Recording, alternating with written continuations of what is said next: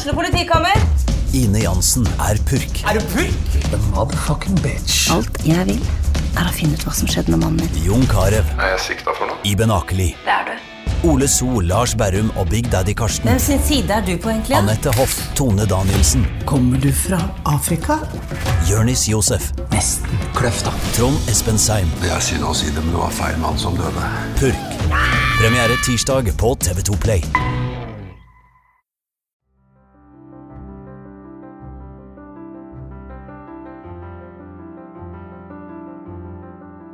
I dagens episode forteller Wenche Bjørkevold helt ærlig om livet sitt. Wenche er alkoholiker, men har vært tørrlagt i elleve år. Mange kjenner kanskje Wenche fra før av. Hun har nesten 80 000 liker klikk på TikTok og deler åpent om livet sitt der. Og nå skal du få høre enda mer om livet til Wenche. Før 2009 så hadde jeg en fulltidsjobb i et oljefirma her i Stavanger. Ungene mine var vel en eh, ni og tolv år ca. Og eh, da vil jeg kalle meg for en fungerende alkoholiker. Så jeg hadde jo et alkoholproblem i ca. ti år. Og i syv av de åra så var jeg en fungerende alkoholiker. Hva betyr det? Det betyr at du kommer deg opp om morgenen, går på jobb, ting er på stell hjemme, du har det tålelig greit med deg sjøl. Men de siste tre åra av den perioden så begynte det å gå ganske raskt nedover med meg. Jeg var dypt deprimert, og jeg hadde egentlig ikke lyst til å leve lenger. Jeg mista moren min og søsteren min i løpet av en tre ukers periode i 2007. Og når far da døde i 2009, så syntes jeg det var så vanskelig. Fordi jeg hadde liksom ikke de verktøyene som måtte til for å kunne håndtere en sorgprosess. Så jeg rømte rett og slett inn i alkoholen. Og den ga meg jo fred både i eh, brystet mitt og i hodet. Sånn at da kunne jeg få en timeout fra meg sjøl og livet. Men det gikk jo ikke lange stunder før på en måte det eskalerte. Og at jeg da måtte ha mer og mer alkohol for å få den ønska effekten som jeg ville oppnå med drikkingen min. Toleransegrensen min for alkohol økte. Sånn at jeg måtte gjerne ha to flasker vin på en kveld for å få silkerusen, som jeg da kaller det for. Jeg drakk ikke hver kveld, men når jeg først drakk, så drakk jeg mye. Og jeg er en sånn person som ikke klarer å nøye meg med ett glass. Jeg må liksom ha mer. Jeg får tenning med en gang jeg drikker. La mannen din og ungene dine merke til at du drakk? Å ja, det gjorde de. Jeg kunne komme ned om morgenen, og de kunne si til meg Du skulle sett deg sjøl i går, mamma. Du var jo helt løyen. Og jeg husket jo ingenting, for jeg hadde jo fått blackout. Og jeg fikk ofte blackout når jeg drakk. Og de kunne f.eks. i familieselskaper så kunne de komme med plutselig med kommentarer om ting jeg hadde sagt eller gjort, sånn at de satte meg i et dårlig lys. Og det syntes jeg var så flaut. Og jeg visste jo aldri når de på en måte kunne finne på å komme med disse her historiene om meg. Så jeg var jo alltid litt sånn på vakt når vi skulle i selskap da, om de skulle avsløre meg eller ei. Ja, for du ville holde det skjult, jeg. Absolutt. Ja, ja, absolutt. Og fasade, det var jo utrolig viktig for meg. Å opprettholde en fin fasade, sånn at alt så fint ut på utsida. Men på innsida så holdt jeg jo på å gå til grunne. Var du mottagelig for å bli snakket med om dette? Altså, jeg feide jo vekk alle anklager om at jeg var en alkoholiker, fordi at jeg ville ikke slutte å drikke. Jeg prøvde jo å holde på dette her så lenge som mulig, og jeg bare liksom var i offerrollen og mente at jeg fortjente å få drikke, som hadde opplevd så mye vanskelig i livet mitt. Og det måtte de bare forstå. Visste du at du var en alkoholiker? Ja, jeg visste det innerst inne. Jeg gjorde det.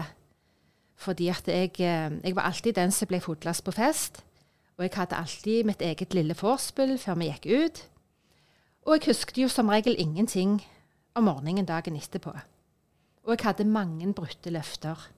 Jeg hadde gjerne lovt ungene mine at vi skulle gjøre noe sammen. Og når dagen kom etterpå, så var jeg jo ikke i form i det hele tatt til å kunne gjennomføre disse tingene. Når jeg ser tilbake på det i dag, så, så kjenner jeg jo på at det gjør meg jo trist å snakke om det. Men heldigvis så har jo eh, meg og ungene og mannen min fått snakket ut i mange år om dette her. Og de har tilgitt meg. Og vi har gått videre. Så det syns jeg er veldig fint.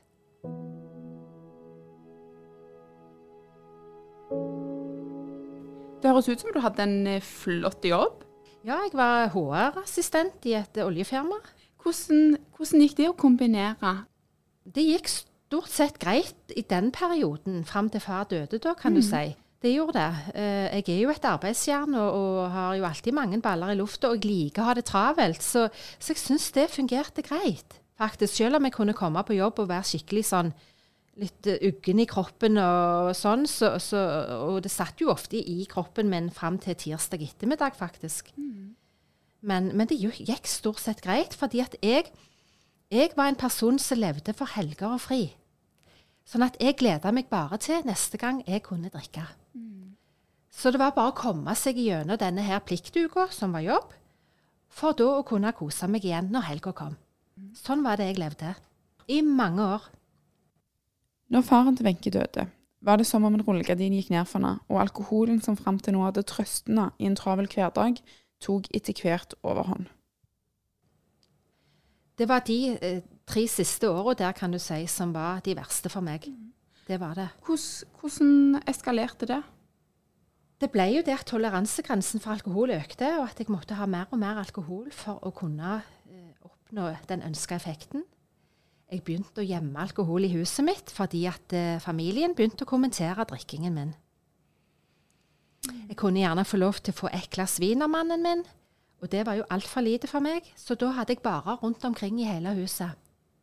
Jeg hadde barer på soverommet, inne i skapet.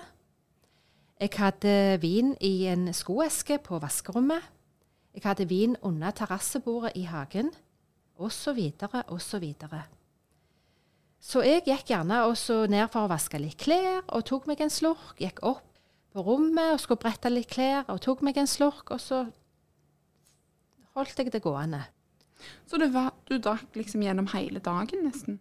Dette var på kveldstid. Det var på kveldstid? Jeg drakk aldri på dagtid. Nei, for da jobbet du fremdeles? Eh, nei, det gjorde Nei. jeg ikke, men jeg eh, drakk aldri på dagtid. Det gjorde jeg ikke. Hvorfor? Holdt på å si, kom vel aldri så langt til bunns at jeg gjorde det. Jeg drakk heller aldri om morgenen, sånn som jeg har hørt noen gjøre, at de reparerer. Jeg fikk alltid i meg litt mat, og på en måte kom liksom litt sånn i gang med dagen. Så det var helst gjerne etter middag da at jeg følte at nå, nå er klokka greit. Nå kan jeg Ja, Nå er det på tide. nå er det på tide. Kanskje dette er litt vanskelig å svare på, men vet du hva mannen din syns om den tida? Ja, det var en kjempevanskelig tid for han. Og han så jo det at jeg som mor og omsorgsperson ikke kunne ta vare på ungene mine i den vanskeligste tiden. Sånn at han f.eks. han kunne ikke ta seg en, en øl en gang til fotballkampen om lørdagen, fordi at han måtte være den ansvarsfulle forelderen som jeg ikke var. Han har vært helt fantastisk, både i perioden når jeg drakk, og spesielt etter jeg ble edru. All hyllest. Jeg ser at du syns det er fint å snakke om han. Ja.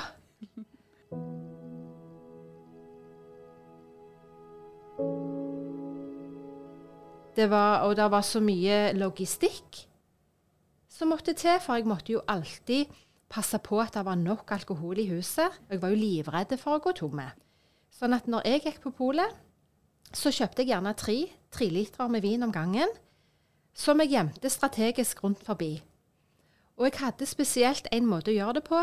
Den gangen hadde vi et kjøkken hvor du, du har sånn en eh, sving eh, hylle inni. Ja, i hjørnet. Ja, inni hjørnet der. Og så, når jeg da hadde åpna den ene vinen og begynt å ta av den, så satte jeg den bakerst, og så tok jeg den mest i fram, sånn at ikke de som skulle kontrollere, altså ungene og mannen min, skulle finne ut at eh, hvor mye jeg hadde drukket. For en gang husker jeg at mannen min slengte den eh, dunken på vekta for å se hvor mye jeg faktisk hadde drukket. Da fikk jeg sjokk. Det høres ut som at du brukte veldig mye tid og energi på å skjule dette. Ja. Hvilke følelser hadde du sjøl knytta til dette med alkohol? Mye skam. Og skam har jo vært så vanskelig for meg å jobbe med, fordi skammen satt så dypt. Jeg var i skammekroken hele tida.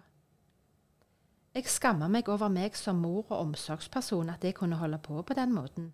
For morer de skal ikke være sånn. Morer de skal være trygge og gode. Jeg skammer meg over å gå på forskjellige vinmonopol for å ikke bli gjenkjent. Og jeg skammer meg over å våkne opp med bakrus hver eneste gang og ikke huske noen ting av det som skjedde kvelden før. Hvorfor tok du deg da et glass vin til dagen etterpå? Det gjorde jeg fordi at jeg reparerte fra kvelden før. Fordi at når jeg var i skikkelig dårlig form etter jeg hadde drukket, så hjalp det alltid å ta et glass vin og to. Da forsvant den der ugne følelsen i kroppen. Og da har du spiralen i gang, ikke sant? Så blir det om igjen og om igjen og om igjen. Jeg begynte jo å gå i AA, Anonyme alkoholikere, i januar 2012. Da klarte jeg å holde meg edru i tre måneder fram til april det året. Så sprakk jeg. Og jeg hadde mange sprekker hele den sommeren. Og vi var på ferie i Danmark. 10. august 2012 drakk jeg for siste gang. Skal jeg fortelle deg hva som skjedde? Ja takk. Vi var på ferie sammen med min, min bror, svigerinnen min og ungene deres. Og jeg hadde vært hos legen og fått noe som heter antabus.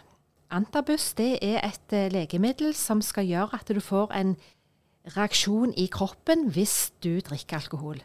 Å, hvilken reaksjon da?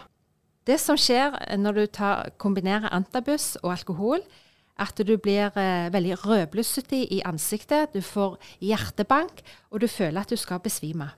Jeg hadde tatt den tabletten om morgenen.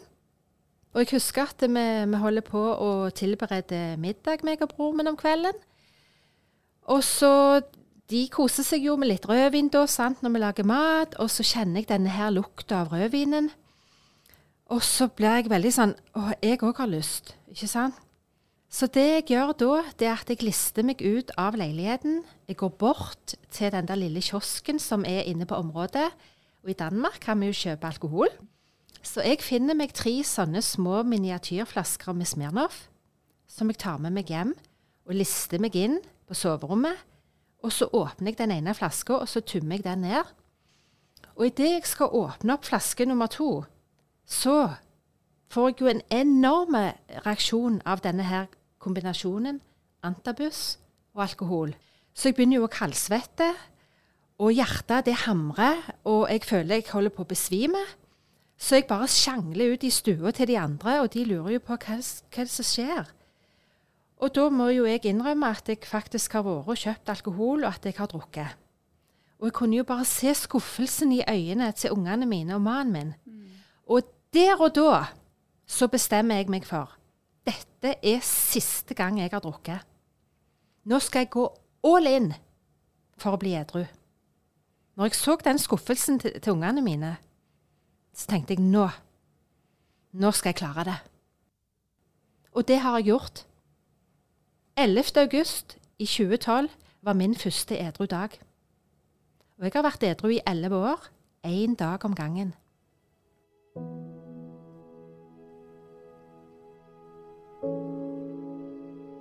«11. august 2012. Hvordan har du det da? Det er jo lenge siden, og jeg har jo spurt mannen min kan du huske noe fra Nei, sier han, jeg husker jo ikke hva jeg hadde til middag i går. så, men eh, det som var at jeg hadde på en måte en eh, Jeg hadde sånn et sterkt ønske denne gangen om å få det til. Og vet du hva jeg gjorde? Jeg la fra meg egoet mitt. Og det er det aller viktigste jeg har gjort noen gang. Jeg begynte å lytte til de som hadde gått veien før meg. I starten hadde jeg jo veldig mye abstinenser, og det, og det var kaldsvetting og dårlig søvn og dyvåte dyner om morgenen og, og ja Følte meg generelt ikke bra i kroppen. Uggen, rett og slett. Mm. For det skal jo ut av systemet, dette her.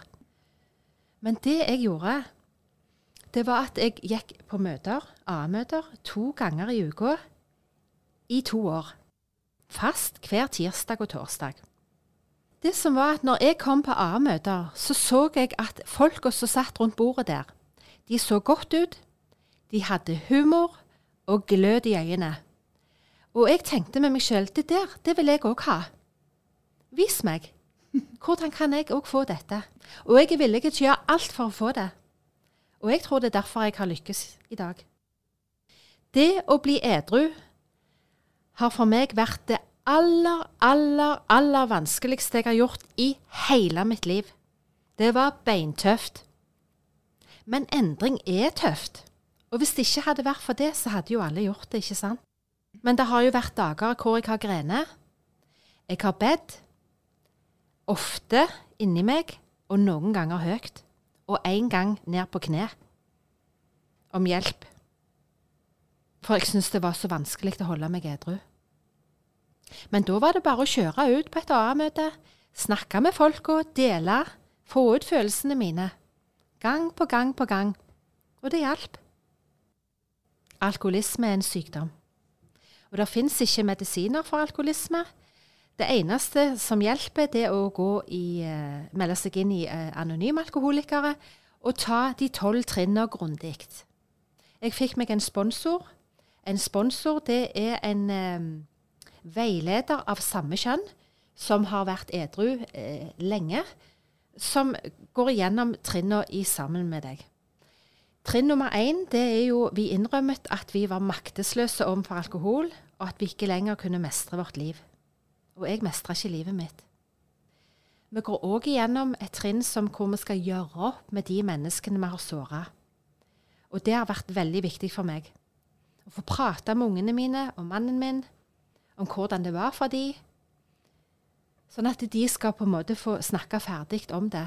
Og det har vi fått gjort over mange år. Og nå har jo de sett at de kan stole på meg igjen, så nå er jo ting godt og fint hos oss. Når jeg snakker med deg nå, Wenche, så vet Ja. jeg jo at du er ferdig med alkoholen. Men det er jo Jeg tror at for mange så er det skambelagt fremdeles eh, å snakke om og høre om, kanskje. Og så ser jeg jo at du deler mye om livet ditt på TikTok. Det gjør jeg. Hvorfor gjør du det? Jeg begynte å poste litt på TikTok, og så fikk jeg veldig god respons ganske raskt. Og da tenkte jeg at kanskje min erfaring kan være til nytte for andre mennesker der ute som strever med alkoholen sånn som det jeg gjorde. Og jeg er jo skrudd i sammen litt sånn at jeg er, kan være både humoristiske og litt sånn eh, smågal. Men så har jeg en annen side av meg òg som er filosofisk og dyp. Så jeg har jo òg veldig stort behov for å, å, å gå dypt. Dype samtaler, dyp smerte, dyp kjærlighet må til for at jeg skal føle meg som et helt menneske. Og på TikTok så deler jeg jo både humor og alvor. Og jeg deler jo i det store og det hele om min prosess til å bli edru, hva jeg har gjort, og hva jeg gjør i dag på en daglig basis. Hvilke tilbakemeldinger har du fått på, på de videoene? Jeg får daglig meldinger i innboksen min. Eh, Det er folk som gjerne kommenterer at de syns jeg er løyen, og at jeg lager gode videoer.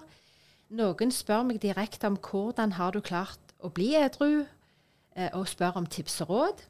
Og da ber jeg de om å bare bla ned i feeden min på TikTok, for jeg har jo en video for det meste. Jeg fikk òg en tilbakemelding fra ei dame som sa at ordene mine gjør at hun får selvtillit. At hun ville at jeg skulle vite det. Hva gjør det med deg når du får sånne tilbakemeldinger? Jeg blir jo kjempeglad. Og da får jeg lyst til å fortsette.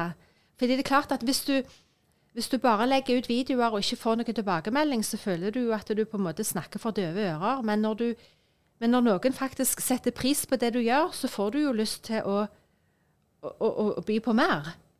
Får du utelukkende gode tilbakemeldinger? Nei, jeg får mange frekke kommentarer. Det er mange som prøver seg. Det er det, altså. Nei, det, det var spesiell, spesielt en som skrev når jeg eh, delte at jeg hadde vært elleve år edru den 11. august, så var det en som sa ja, men da tar vi oss ei øl. Så skal de liksom være litt sånn løgne da. Men, eh, men enten så bare blokkerer jeg de, eller så bare setter jeg de kraftig på plass. For du vet, jeg er jo eh, såpass voksen nå at jeg eh, tar ikke imot noe bullshit lenger. Rett og slett.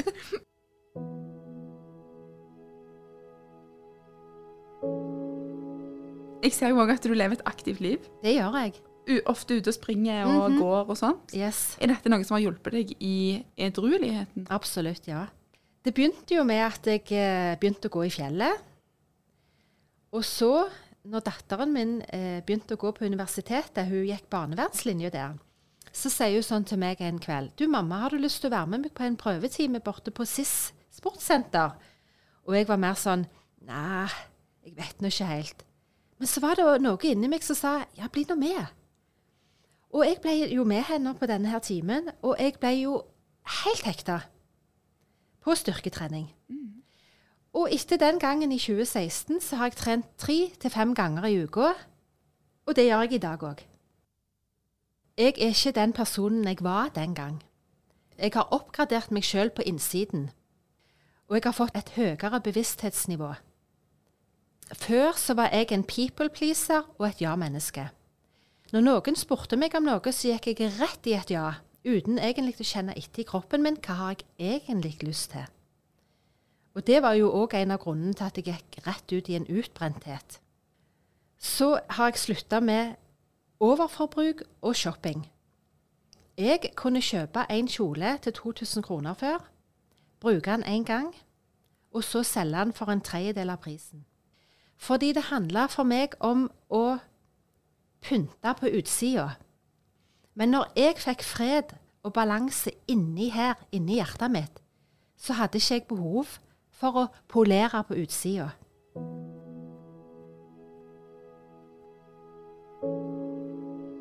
Hvordan har du det i dag? I dag har jeg det veldig godt med meg sjøl. Jeg har fred på innsida. Og jeg har det godt i sammen med familien min. Det at jeg ble edru, det er det aller beste valget jeg har noen gang tatt for meg sjøl. Fordi at nå så rommer jeg hele meg. I, altså, I dag får jo jeg lov til å være en edru, ansvarlig mormor for det lille barnebarnet vårt. Sånn at når datteren min spør kan han få komme på overnatting, så vet jo hun at han er trygg hos meg. At mormor finner ikke på noe sprell. Og at familien min vet at når helga kommer, så skal jeg være edru. Hva betyr det for deg at datteren din f.eks. kan levere sønnen sin hjemme hos deg og vite at han er trygg der? Det betyr alt. Jeg er så dypt takknemlig for at jeg klarte å bli edru, sånn at jeg kan få lov til å være en edru mormor og en edru mor og en edru kone. Det er jeg så takknemlig for. Veldig stolt av. For jeg har lagt ned mye arbeid i det å bli edru. Jeg har det, altså. Og det har ikke alltid vært like lett. For når jeg ser hvor godt det har gjort meg, det å bli edru For i en alder av 40 år så var jeg livstrøtt. Og når jeg ser på bilder av meg sjøl på min 40-årsdag, så ser jeg eldre ut enn det jeg gjør i dag. Faktisk. Så alkoholen, den gjorde meg ikke godt.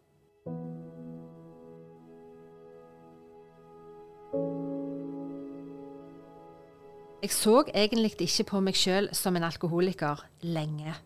Jeg hadde et forvrengt syn på at en alkoholiker, det var mannen som lå på en benk i parken og sov. Og ikke sånn som meg, som hadde alt på stell, som jeg sjøl trodde. Med hjemmelaga middag på bordet hver eneste dag. Men det var jo bare en illusjon. Jeg var jo en alkoholiker, og jeg er en alkoholiker. Er du en alkoholiker i dag, selv om du er edru på ellevte året? Ja, alkoholisme det er en sykdom, og det er en sykdom som jeg kommer til å ha resten av livet. Og jeg er nødt for å gjøre eh, de tingene som er anbefalt for å holde meg edru på en daglig basis hver eneste dag, så lenge jeg lever. Det finnes ikke noen medisiner for alkoholisme. Det eneste som en kan gjøre, det er å begynne å gå i AA og ta det i tolv trinn. Så, så, så, selv om jeg er elleve år edru i dag, så er jeg bare ett glass ifra til å ha ødelagt alt det jeg har bygd opp gjennom disse åra. Blir du bekymra av det? Nei, fordi at jeg føler meg såpass trygg i mitt edruskap i dag. Jeg har så mange gode rutiner nå, og når jeg både ser og føler på kroppen min hvor godt dette edruskapet gjør for meg, så ønsker jeg ikke å gå tilbake til der jeg var. Så jeg gjør jo alt jeg kan for å være den utgaven av meg sjøl som det jeg er i dag. Så det handler jo i det store og det hele om å gjøre de tingene som er anbefalt for å holde oss edru. Og det er det jeg gjør. Så er jeg ofte ute i naturen, helst hver dag egentlig, fordi at jeg opplever en sånn en trygghet med de høye fjellene rundt meg. Og òg når livet kan være vanskelig. Fordi at selv om man er edru på ellevte året, så, så, kommer det jo ting i livet som er vanskelig å håndtere. Og jeg opplever en slags sånn Hva skal jeg si En, eh, en, en kobling med, med det høyere selvet mitt, altså sjelen min, når jeg er ute i naturen. Sånn at jeg får ofte svar på ting jeg går og lurer på når jeg er ute og går.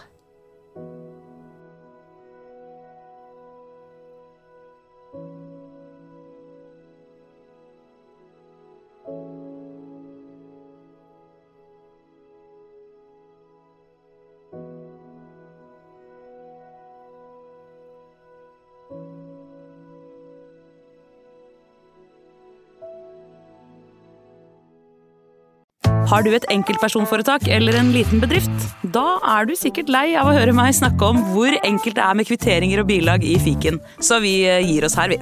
Fordi vi liker enkelt. Fiken superenkelt regnskap.